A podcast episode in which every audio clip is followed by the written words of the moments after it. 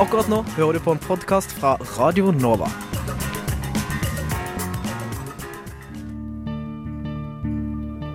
for det hovedspørsmålet det hadde vært siden eh, Noam Chomsky etablerte den greina lingvistikken som, som jeg befinner meg i. Vi håper jo på bredest mulig oppslutning om SV, og jeg tror at det eneste som kan få norsk løsner båndene mellom staten og kirka, og forhåpentligvis fører til tettere bånd mellom kirka og folk. Så hadde de gjort som andre fjøringsbevegelser i verden, hadde de helt legitimt kanskje tatt i våpen. Og, så direkte skildring av menneskeskjebner tror jeg ikke vi har sett i noen annen nyhetsdekning av noen annen terroraksjon. Det er såpass store forskjeller mellom den kalde krigen, hvor det var to supermakter som sto mot hverandre, eh, og den situasjonen vi har i dag.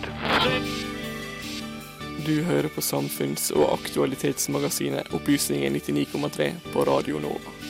Opplysningen 99,3 på Radio Nova. Norges første forening for polyamorøse er stiftet. Er monogami på vei ut? Arbeiderpartiet har åpnet for å innføre et tredje juridisk kjønn. Trenger vi det? Og hva er egentlig hen? Hvem har størst hjerte for valentinsdagen? Er det din kjære eller næringslivet? Handelsstanden, representert ved Virke, gir oss status. Og vi tar en titt på ekteskapets historie. En feriestasjon har en innvirkning på den enkelte nordmanns selvfølelse og identitet. De sliter, og de har ikke råd til å betale eh, markedspriser for, for gassen. Akkurat nå hører du på Radio Novas samfunns- og aktualitetsmagasin, Opplysningen 99,3.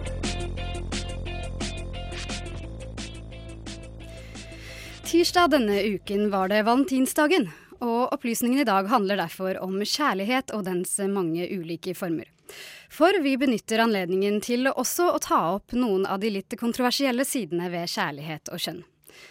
Blant annet skal vi prøve å sortere noen av de kanskje forvirrende begrepene polyamori, solopoly og polyfidelitet, når vi senere får en i studio som kaller seg for forholdsanarkist.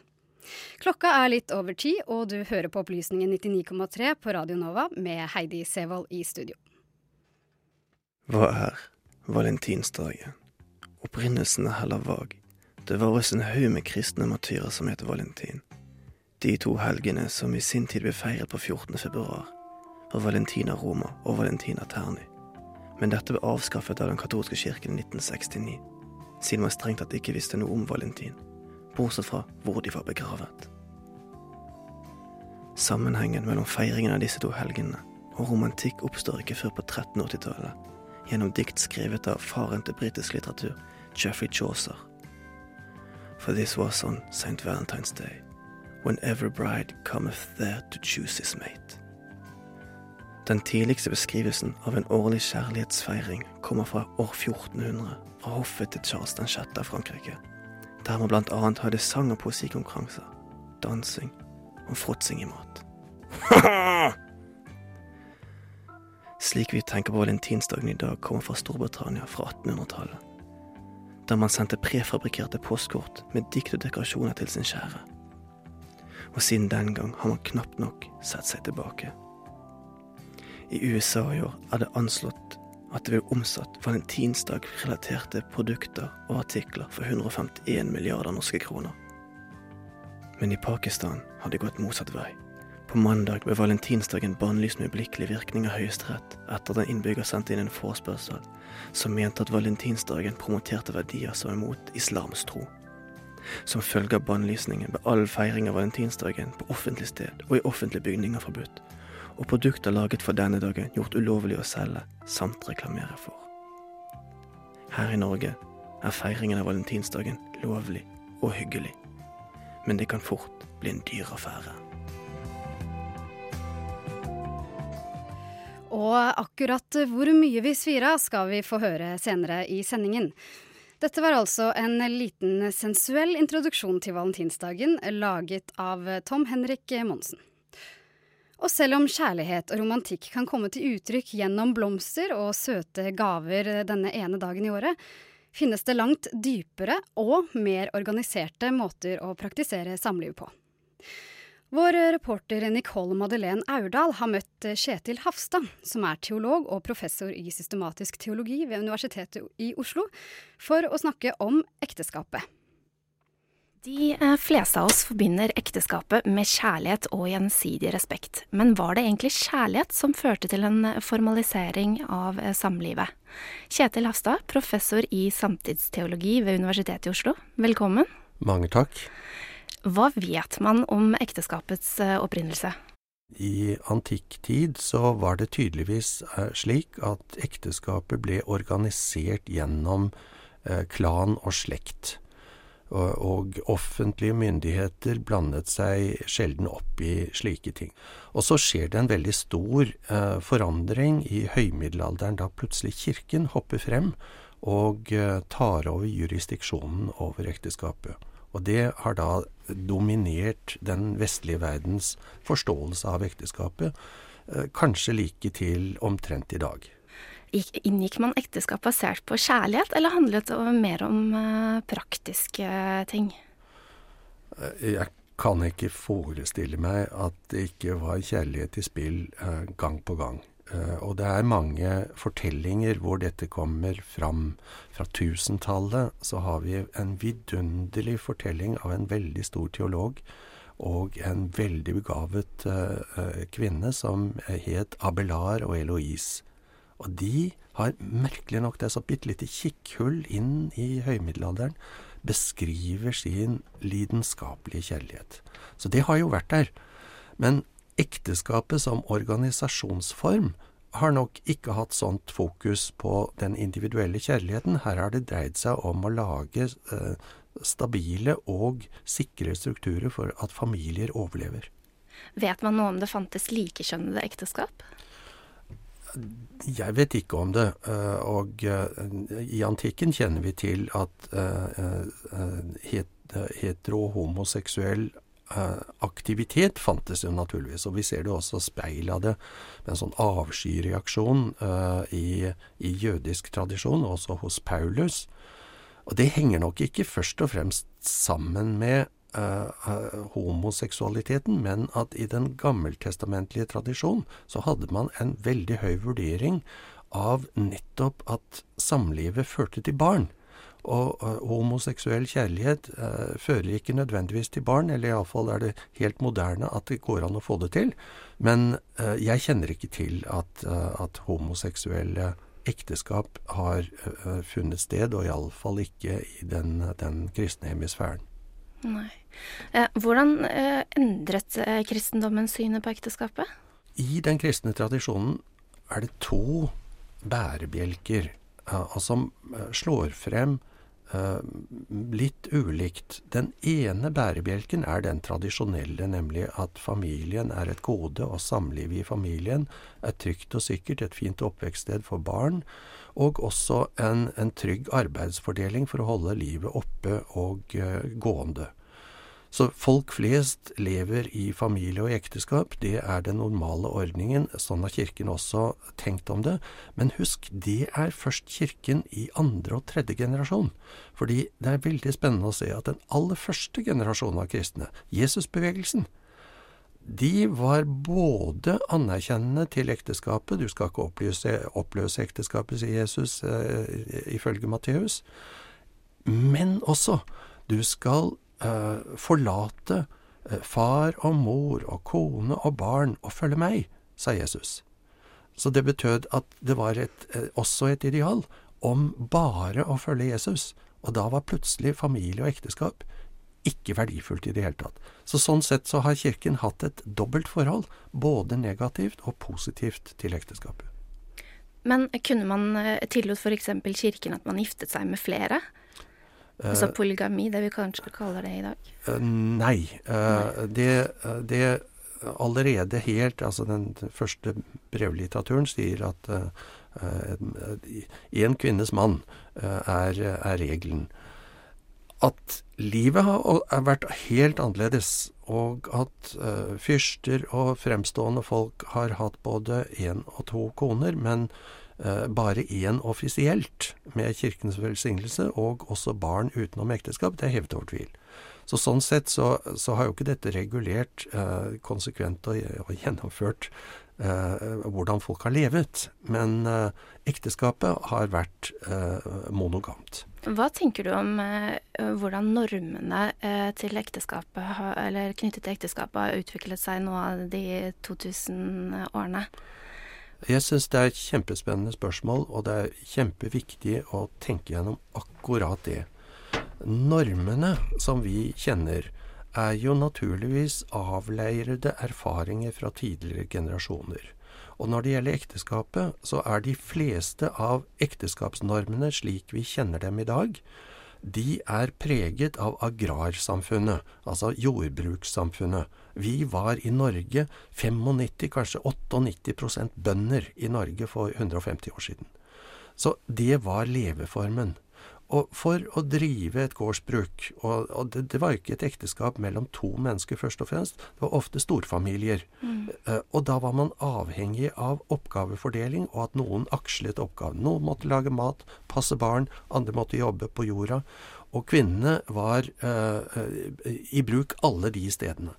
Så sånn sett så, så var ekteskapet noe som var en nødvendighet. Og når én av partene døde, og eh, det er eh, en som har laget en bok om the medieval idea of marriage, som sier at antakelig var gjennomsnittsalderen for et ekteskap syv år.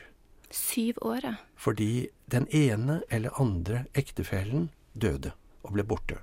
Da måtte hun eller han erstattes. En annen måtte inn og ta oppgavene.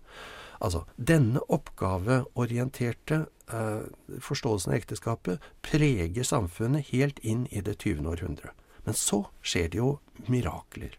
Vi får mulighet, kvinner får mulighet til å ta hånd i hanke med egen seksualitet og bestemme om samliv eh, skal føre til barn eller ikke. Og langt om lenge fører det til at kvinner får likeberettigelse i ekteskapet. Det hadde de ikke før. De var bare et eh, tilheng til mannen. Det er først i 1927 at kvinner fikk egen disposisjonsrett over sin formue. Så dette er i forgårs. Likestillingen har ført til at vi har endret ekteskapsloven i 1991 slik at forståelsen er ikke at man inngår i et ekteskap som en sånn øh, grunnleggende ordning. Nei, det er to parter som velger hverandre. Og de velger hverandre så lenge de velger hverandre. Og når den ene parten sier 'dette går ikke lenger, vi må nok likevel skille lag', så er det enkelt og en rett å si 'sånn er det'. Så dermed har jo normene, sånn som de er uh, utmeislet i lovgivningen, endret seg dramatisk. I hodene på folk er det mange som husker de gamle normene fra agrarsamfunnet.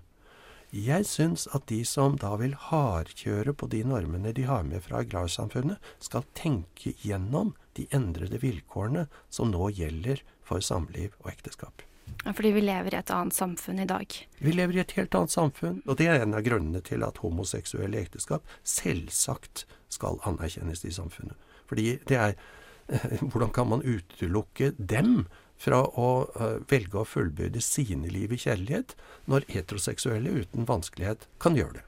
Men hvorfor tror du da at eh, folk velger å gifte seg i dag?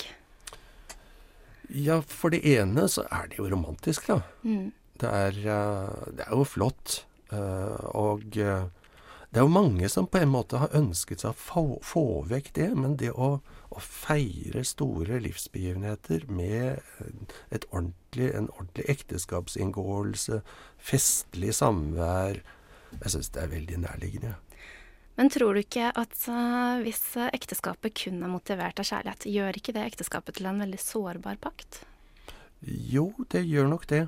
Uh, og det er jo vanskelig for oss med denne historien vi har bak, um, å aksle oss inn i en verden der hvert eneste menneske har ansvar, stort ansvar for sin egen utvikling og skjebne.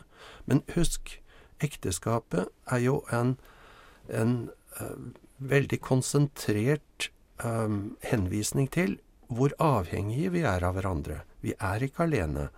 Uh, barn er fullstendig avhengige av at noen tar, av, tar seg av dem, ellers så vil de aldri vokse opp. Så sånn sett så er jo det å, ha et ekteskap eller et samliv som fører til barn. Jeg er ikke helt Altså, fint å gifte seg, ikke nødvendig å gifte seg. Men er man sammen, så er det veldig fint å være sammen. Og får man barn, så er det også en stor opptur for veldig mange. Men uansett hvordan vi lever, så har vi, hver og en av oss, en del, en flik, kanskje et stor del, av et annet liv og, og skjebne i vår hånd. Altså vi er forbundet med hverandre. Det er potensiert til stede i ekteskapet. Men det er det sannelig også i forhold til mennesker vi ellers er glad i. Venner, bekjente. Så vi, vi, vi er føyd inn i et samfunn. Vi er ikke monolitter. Vi er ikke helt alene. Og vi kan ikke leve helt alene. Nei. Så tror du at vi kommer til å fortsette med å gifte oss? Altså, så langt så er det jo mye som taler for det. Og jeg, har syntes at det har vært litt pussig, da at uh, mennesker som har vært samboende i mange år Og det er mange unge mennesker som velger det, å være samboende og prøve ut uh, Passer vi sammen? Og så, etter noen år, velger å gifte seg. Det er vel et tegn på at mange syns at det er ganske flott. Så hvis, hvis det holder stikk, så er det nok sikkert mange som kommer til å gifte seg i framtida. Kjetil Hafstad, tusen takk for at du kom i studio. Takk. Der hørte du Lille-Stine med låta 'Jeg lover deg'. Før det hørte du reporter Nicole Madeleine Aurdal intervjue professor Kjetil Hafstad om ekteskapet. Men nå fra streng tosomhet til noe mer utradisjonelle samlivsformer. Høsten 2016 ble den første foreningen for polyamorøse stiftet i Norge. Og da oppstår det fort forvirring. Ikke for de polyamorøse, men for oss monogame. Hvordan kan det fungere å ha flere kjærlighetsforhold på en gang? Vi har med oss Mai Rytterager i studio, styremedlem i Foreningen Poli Norge. Velkommen til oss. Takk, takk.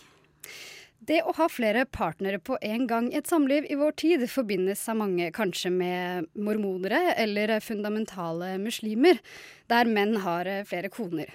Men dette skiller seg jo fra den polyamorien som dere snakker om. Kan du forklare forskjellen? Ja, en av eh, det jeg vil si er hovedforskjellen, er rett og slett at det handler om informert samtykke og likeverd. Eh, veldig mange av disse religiøse versjonene har ikke store, flere av partene noe valg, da. Ja, og så lurer vi også på dette med eh, polygami. Fordi dette er jo en forening som ønsker å, å, å oppnå en eh, holdningsendring, kanskje, og liksom eh, uh, utvidede rettigheter for de som har den preferansen, uh, er en del av det å få flere ekteskapsrettigheter? Uh, I lengden så kan du nok se på dette, for vi ønsker jo rettigheter i samfunnet. Og dette gjelder jo enten det er snakk om folk i forhold, eller vi lever i et samfunn hvor flere gjerne må gå sammen for å kjøpe, og da er det fint om det er rettigheter. Og da både i forhold til arv og barn og det å eie og sånne ting. Så i lengden så er vi nok kanskje der, men for øyeblikket så handler det veldig om det å finne Eller få aksept i samfunnet, da. Det å bli respektert og bli møtt på en ordentlig måte. For det er ikke sånn det er lett eh, for meg å spørre om det, men eh, om det er på en måte et nettverk av par, eller om det er mer som at man ser for seg at grupper på tre eller flere kan være gifte sammen på, eh, med, med samme rolle. Jeg må innrømme at for meg personlig så er ikke giftermål så veldig viktig, annet enn for økonomiske fordeler. Um, og jeg tenker at det er noe man må se nærmere på, hva som er praktisk samfunnsmessig i lengden, og ikke noe jeg velger å gå veldig inn på nå. Det får eh, være greit. Men så er det jo dette med tanken på flere kjærlighetsrelasjoner eh, på en gang, som kan være litt uvant for mange. Og jeg må innrømme at eh, jeg ville nok blitt litt i tvil eller sjalu hvis kjæresten min hadde foreslått å ja, utvide med et forhold til. Hvordan, uh, hvordan ser dere på sånne ting som sjalusi? Um, sånn I forhold til det med den usikkerheten, for det er jo sjalusi vil jeg gjerne si ofte handler om en usikkerhet. personlig så føler jeg meg mye tryggere nå som jeg har funnet ut at det går fint. Jeg har funnet en partner som aksepterer meg sånn jeg er, og gir meg den friheten til å være meg. Um, men jeg, har det, jeg vil si det ofte handler om en usikkerhet. Og da kommunikasjon, finne ut hva den underliggende grunnen er. Er det det at du er redd for at partneren din skal gå ifra deg? Eh, er det det at du blir tilsidesatt, da faktisk kommunisere. Ja, skjønner. Og du selv betegner deg jo som solopoli eh, og en forholdsanarkist. Hva innebærer dette? Ja, eh, forholdsanarkist vil egentlig bare si det at eh, blir enige med hver enkeltperson om rammene uh, uavhengig av samfunnets normer. Uh, det er kortversjonen. Eh, og solopoli vil egentlig bare si det at det er meg først. Det er, det er fokus på hva jeg trenger og hva jeg vil for min del. Og så det at jeg da ikke er så opptatt av denne um, hva skal man si, forholdsstigen. Escalator, relationship escalator. Hva er det for noe? Dette med at først så blir du sammen, flytter sammen, gifte deg, få barn. Disse trinna som er forventet i samfunnet, da. Det er ikke så viktig for meg. Skjønner. Så finnes det jo også flere begreper her som kan være litt forvirrende, som vi har nevnt tidligere. Blant, blant annet disse eh, begrepene som poliseksualitet, eh, polyamori og polyfidelitet. Går det an å få rydda litt opp i disse begrepene, hva det innebærer? Eh, vi som organisasjon bruker poli som eh, paraplybegrep for eh, samtykkende ikke-monogami. Eh, fordi, som du nevner her, så er det veldig mange ord og uttrykk. Du har poliseksuell og polyamori. Polyamori betyr i hovedsak at du har flere Du kan forelske deg i flere. Poliseksuell betyr i hovedsak at du kan ha sex med flere.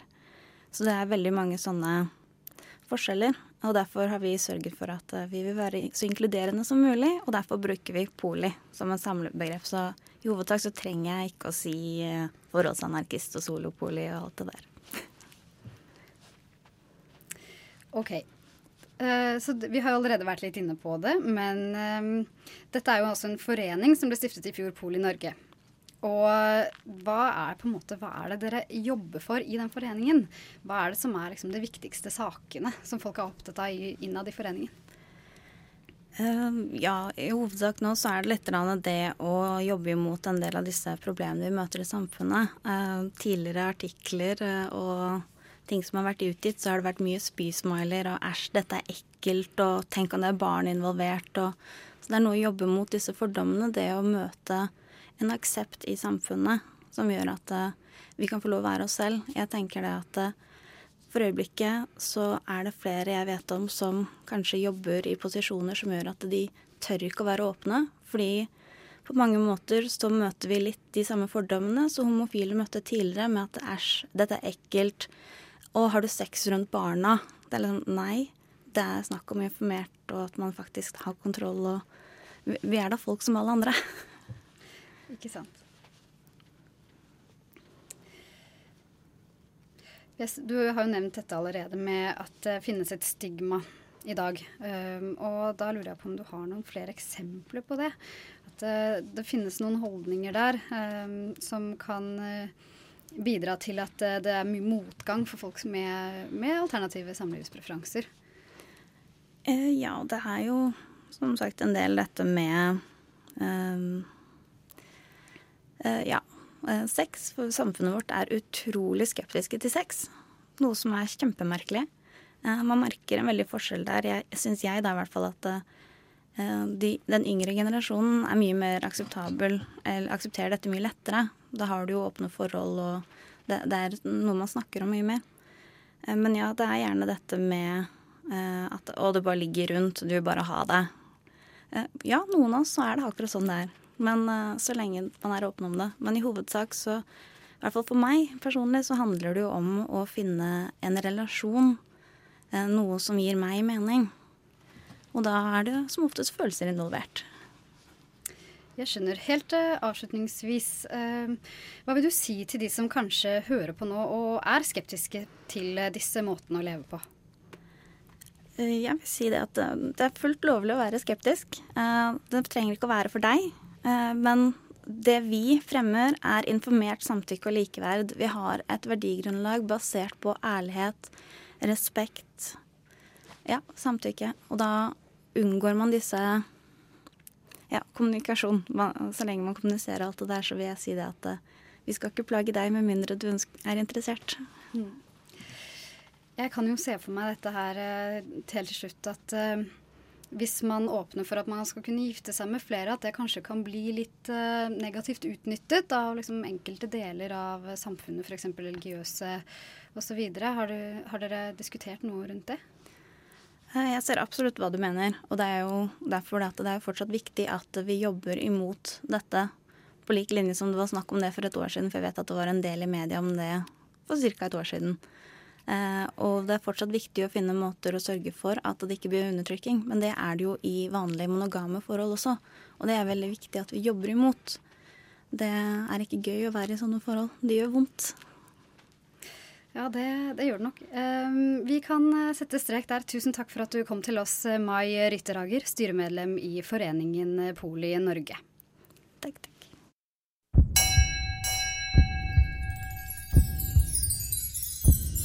Ukas opplysning.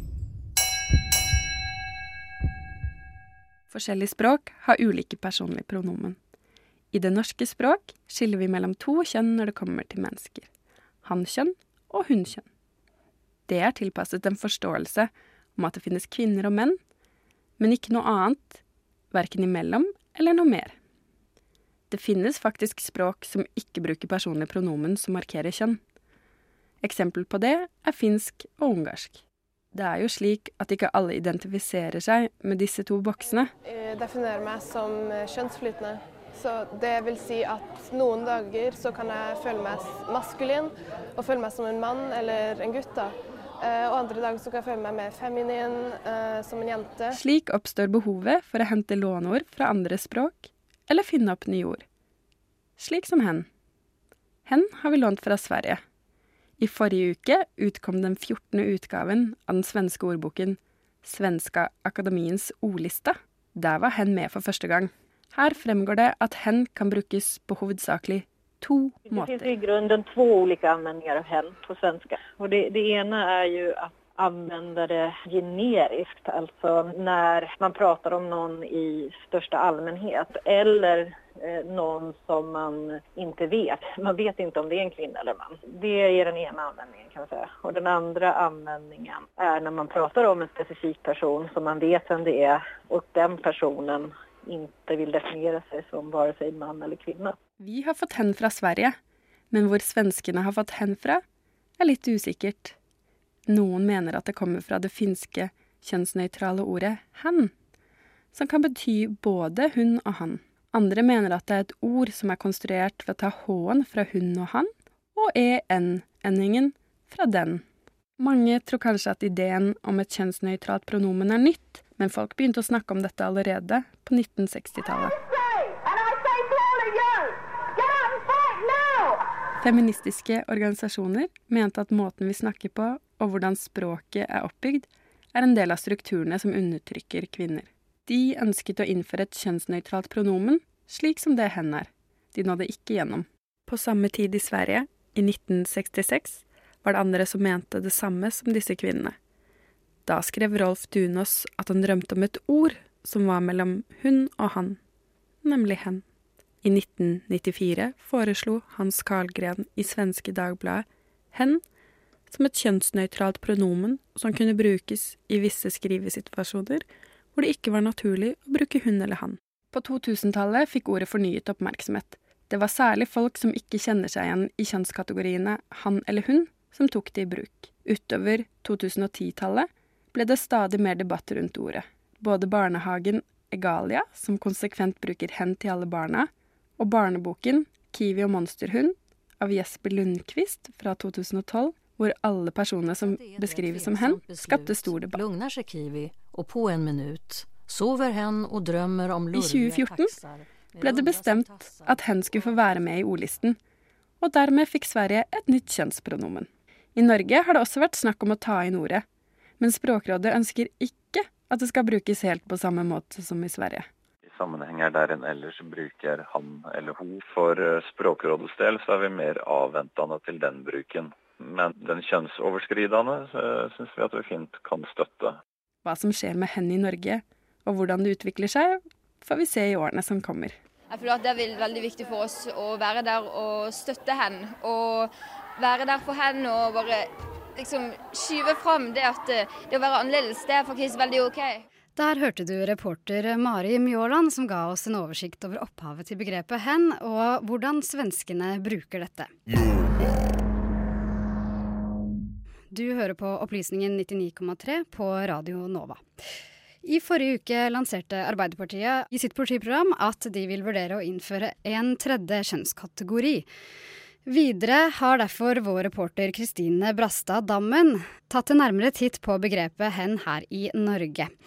Hvordan brukes det her i landet, og ikke minst finnes det et behov for nettopp en tredje kjønnskategori? Ja, man kan jo spørre seg om hva som vil skje med pronomene hen i Norge. Noe som imidlertid skjer hver eneste dag, hele tiden, er at folk konstruerer og kategoriserer egen identitet. Jeg dro til Radio Rakel, det som visstnok skal være verdens eldste feministradio, for å møte noen som bruker pronomene hen. Ja, er det du som er Kevo? Hei, hyggelig. Nå er vi på. Nå er vi på. Så god greie. Døra, og så skal jeg legge bort mobilen min. Ja. For jeg blir så distrahert hvis jeg får sånn der notifikasjon. Et sekund bare. Det går bra. Kepo ser ut som en mann. Han har mørk, blondt, kortklipt hår som stikker fram under en sixpence, og maskuline tatoveringer som jeg kan skimte under de oppbrettede genserermene. Aller først så lurer jeg egentlig på hva innebærer egentlig hen? Pronomene hen. Tenker du? Hva, for meg? Ja. For det er jo et veldig Det er et kjempestort begrep. Man har liksom mann, kvinne, og så annet. Og da er det jo en haug med forskjellige kategorier som, som, faller innenfor det, da. Ja. Det er veldig vanskelig å snakke på vegne av alle de. Ja. Men for meg så handler det om at jeg ikke Jeg har vel funnet ut såpass at jeg er ikke en mann. Og jeg er ikke en dame. Og da faller jeg jo inn i, i, i den på en måte annet-kategorien. da. Så for meg så er det en veldig lang prosess å finne ut av hva det egentlig betyr. Og hva det, ja, hva det innebærer. Så så langt så har jeg vel oppdaget eh, at man lærer Når man er liten, så lærer man jo en del sånn sosiale teknikker. da, for, Både for å kommunisere og for å deale med følelser og sånne ting. Ja. Eh, og så har de forsøkt å lære meg manns, mannsteknikkene. Og så har Jeg er jo ikke, jeg er jo ikke en mann. Selv om jeg, jeg ser ut som en mann, og jeg kan oppføre meg som en mann, men jeg er det ikke. Så jeg har ikke plukket opp de, de små signalene, da. Men hva tenker du at eh, altså, Hva tenker du om at et stort parti som Arbeiderpartiet nå ønsker å innføre hen som et pronomen? Jeg tror at eh, Jeg tror det kan være veldig viktig. Eh, sånn helt konkret i forhold til at det kommer i, i offentligheten. Eller at man får det på papiret, da. Så tror jeg det kommer til å bety at vi slutter å være usynlige på statistikken. For man ser jo det på, på den dummeste grafen, på en måte. Som, som handler om, om, om, om man liker å gå på ski eller ikke. Så er det delt opp i mann eller kvinner. På alle grafer. Og da er det en stor Eller jeg vet ikke hvor stor denne gruppen er, men, men vi faller jo helt utenfor. Eh, og det er bra. Akkurat på skidelen? Akkurat på skidelen. Ja. Det er skidelen som er viktigst. Ja, men, men jeg tror det viktigste er å, å få på en måte det sosiale på plass. da. Ja. At man i samfunnet trenger å få en bevissthet rundt at vi finnes, og at det har en del implikasjoner.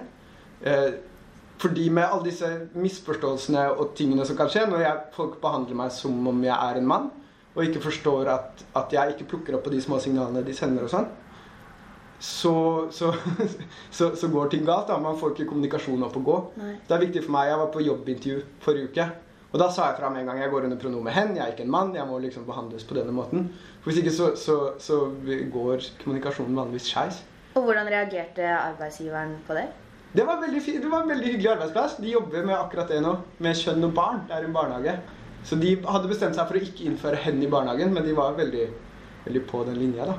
Ja, men hvis man gjorde, hvis man synliggjorde altså kjønn som sosialt konstruert til dels, eller det er jo en debatt allerede fra barnsstadiet av, da kan det jo tenkes at mange flere hadde gått i kategorien hen når de ble eldre. Ja, jeg tror definitivt det. Og jeg merker også det er, jeg tror det er veldig mange flere av oss enn som- enn- enn på en måte de som kommer ut. da. Fordi jeg merker det er veldig lett for meg å gå på en måte som en undercover-mann. Og kle meg som en mann, oppføre meg som en mann, og så bare slippe å bli konfrontert med det. Og slippe å ta de vanskelige pratene og forklare hvorfor jeg har det pronomenet. Og, og slippe å, og liksom rettferdiggjøre mitt eget navn, da. Som jeg må gjøre nå. Så det, det krever at det er et ganske stort problem før du velger å, å ta det steget. Mm. Hallo.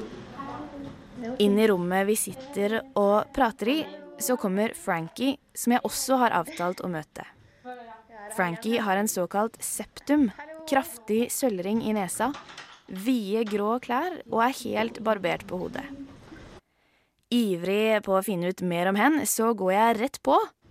Nå har vi allerede snakka en del om hen, men eh, jeg kan jo spørre hva hen er for deg? For meg? Ja. Identitet, eh, pronom for andre. Jeg bruker ikke hen. Nei. Nei. Du bruker De og dem. de og dem. Hva innebærer de og dem? Det Du bytter dem ut med hun og henne, liksom. Og bruker bare det for at det for meg blir mer nøytralt. Mer nøytralt språk. For det er jo det eh, Arbeiderpartiet eh, åpner jo opp for å vurdere innføringen av et tredje pronomen.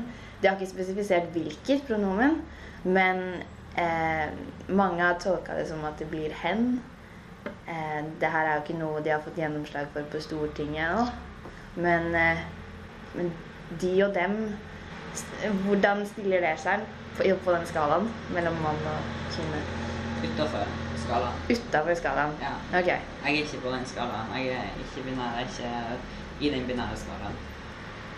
Men, men er det en kjønnskategori? Eller er det liksom utenfor? Jeg vil si det er en kjønnskategori. Det er min kjønnsidentitet. Det er Det er det hvor jeg føler meg komfortabel. Fordi jeg har flakka mye rundt på kjønnsskalaen. Og, men jeg har havna på et punkt hvor jeg er helt komfortabel. Og det er det som man må oppnå da. Det er jo det egen og personlig Å være komfortabel med det personlige, liksom. Jeg spør Frankie hva de tenker om innføringen av en tredje kjønnskategori. Jeg stiller meg veldig positivt til det, fordi jeg tror det blir for mange enklere. Eh, Det vil jo ikke påvirke noen andre enn de som ønsker det sjøl. Og de som ønsker det sjøl, burde få lov til å ha valget der. Eh, Og ikke føle seg utelukka overalt, og ikke føle at de må validere seg ut ifra hver enkelt person sin mening om det er en valid kjønnsidentitet eller ikke. Vi kommer inn på navneendring. Kepo har endret navnet sitt gjennom staten, slik at hen nå heter Kepo i f.eks. pass. Det var egentlig utrolig deilig. Det, det føltes mye mer som en kamp å gå under det gamle navnet mitt enn å på en måte få, få Jeg følte jeg fikk litt av kjønnsidentiteten min på utsiden. da. At jeg pressa det opp i ansiktet på alle. Så, og følte kanskje at folk fikk en større forståelse av hvordan de burde behandle meg. Eller lese meg. Ja. Hvor gammel var du da du bytta navn? Da var jeg 23. Ganske mye av livet å gå under et kjønn av navn da, som man ikke identifiserer seg med. Ja, ja det, veldig, det var en veldig lang prosess å komme fram til. til, til fordi man lever jo, ikke sant man har, man, man har jo ingen anelse om at det fins noe annet. Man har jo levd i en sånn kjønnsbinær verden.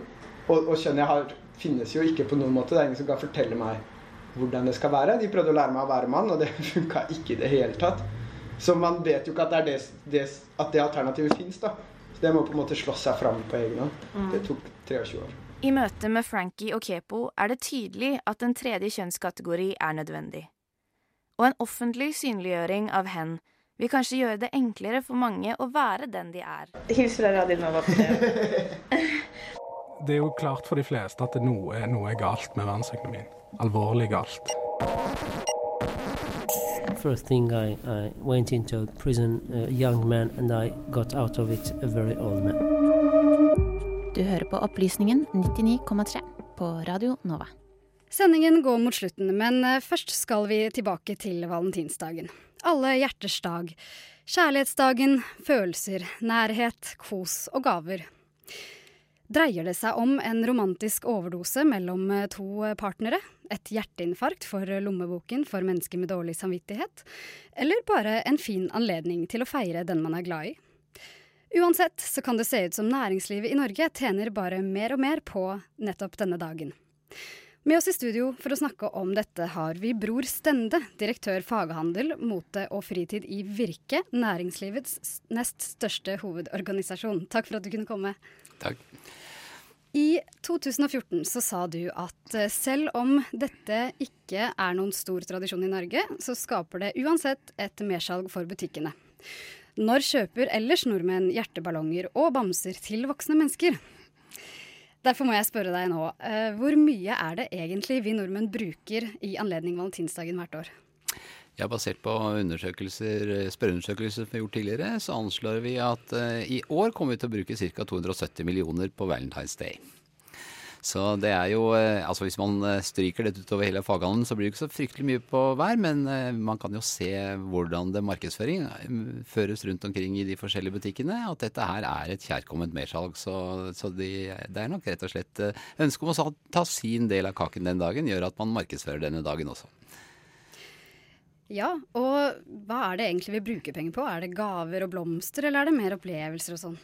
Du, det er jo eh, veldig forskjellig, men eh, vi vet at blomster er veldig hot. Vi vet at veldig mange blomsterforretninger ikke har kapasitet til å kjøre ut alle blomstene som de får bestilling på. Så blomster er nok en veldig stor artikkel denne dagen. Og så er det selvfølgelig konfekt og smågaver. Små kort, faktisk, eh, også for de som gjør det veldig enkelt. Eh, og så er det jo selvfølgelig noen som bruker veldig mye penger og kjøper dyre smykker osv. Eh, kulturopplevelser f.eks. Kinobesøk. Eh, vi vet at det var ganske bra rush på restaurantene på Valentine's Day, så mange tar eh, med seg partneren sin ut for å, å spise et godt måltid. Hvem er det som eh, egentlig bruker mest? Er det desperate menn med dårlig samvittighet overfor sin partner eh, som det ligger mest penger i, eller er det litt mer nyansert? Denne dagen har nok kanskje best fotfeste blant eh, unge mennesker, eh, tenåringer og unge voksne. Så de er nok de som bruker mest penger. Altså eh, kanskje ikke per person, men hvis du ser på gruppen, bruker mest penger denne dagen. Men så har det nok sikkert litt med dette med økonomi å gjøre. At et veletablerte mennesker, hvis de først gjør noe denne dagen, bruker kanskje mye penger. Men det er klart at den gruppen som er mest fokusert på denne dagen, er unge, ungdom og unge voksne. Har det vært en økning i eh, omsetningen fra år til år? Ja, når vi tok denne omnibusundersøkelsen for noen år siden, så gjorde det et lite hopp opp, for da fant vi ut at folk bruker jo kanskje litt mer enn det vi, vi trodde. Eh, Men etter det så anslår vi at dette følger normal befolkningsutvikling og prisstigning i markedet. Så vi har, eh, vi har bare økt med den generelle detaljhandelsøkningen som har vært de siste årene eh, for å anslå. Men vi tror vi er ganske konservative. Vi tror det kan brukes mer der ute hvis man tar med totalen. Ja, Du snakket om denne undersøkelsen. Kan du si litt mer om den? Ja, da gikk vi ut og spurte eh, om de skulle bruke noe på denne valentinsdag, eh, eh, og hvor mye de skulle bruke denne dagen. Og basert på de tallene vi fikk inn da, i de forskjellige befolkningsgruppene, så kom vi fram til dette tallet vi da hadde da på jeg tror det var 255 millioner jeg for tre-fire år siden, som, som vi da har, eh, har økt i takt med prisstigning. Ser man for at dette, altså disse omsetningstallene kommer til å øke videre, eller ser man for, at, ser man eh, for seg at det er et tak som, eh, som er nådd? Mange av disse nye tradisjonene, nye tradisjoner som eh, halloween, Valentine's Day osv., det har jo kanskje en kraftigere vekst i starten, og så flater det nå ut. Eh, Men alle som eh, vokser opp med en slik tradisjon, vil jo også ta den med seg inn i voksenlivet. Så Samtidig som kommer nye, nye ungdomsgrupper inn. Så vi tror det kommer til å øke jevnt og trutt videre fremover. Selv om det kanskje ikke øker like sterkt som det har gjort til nå. Og så helt til slutt, eh, er det bare hyggelig at vi svir av eh, 270 millioner hvert eneste år på valentinsdagen, eller burde vi kanskje moderere oss eh, litt mer, syns du? For handelsstanden er det veldig hyggelig, eh, men for den enkelte forbruker så er det jo et, valg. Eh, Man kan gjøre veldig små og billige ting for hverandre for å feire kjærligheten, og så kan man også bruke veldig mye penger hvis man ønsker det. Så det er opp til den enkelte. Så du har ikke en egen mening om dette? Nei, jeg har ikke noe spesiell mening om det. Jeg syns det får være individuelt. Eh, Jeg tror at man kan gjøre veldig mye hygge for hverandre uten å bruke veldig mye penger, men samtidig så er det jo noen mennesker som ønsker å gi hverandre en veldig flott gave, og da syns jeg det er helt opp til den enkelte å bestemme det. Det syns jeg er et hyggelig siste ord i denne sendingen. Takk for at du var med oss i studio, Bror Stende, direktør faghandel, mote og fritid i hovedorganisasjonen Virke. Radio Nova, FM 99,3 og radionova.no. Du har nettopp hørt Radio Novas samfunns- og aktualitetsmagasin Opplysningen 99,3, som sender hver fredag formiddag mellom 10 og 11. Denne sendingen var laget av Tom Henrik Monsen, Mia Langeland Rørvik, Nicole Madeleine Aurdal, Kristine Brastad Dammen og Mari Mjåla. Tekniker var Simon Lima, og mitt navn er Heidi Sevold. Hør oss gjerne igjen på radionova.no, eller last oss ned som podkast, og lik oss på Facebook. Ha en riktig god fredag videre. Du har hørt en podkast fra Radio Nova. Likte du det du hørte? Du finner flere podkaster i iTunes og på våre hjemmesider radionova.no.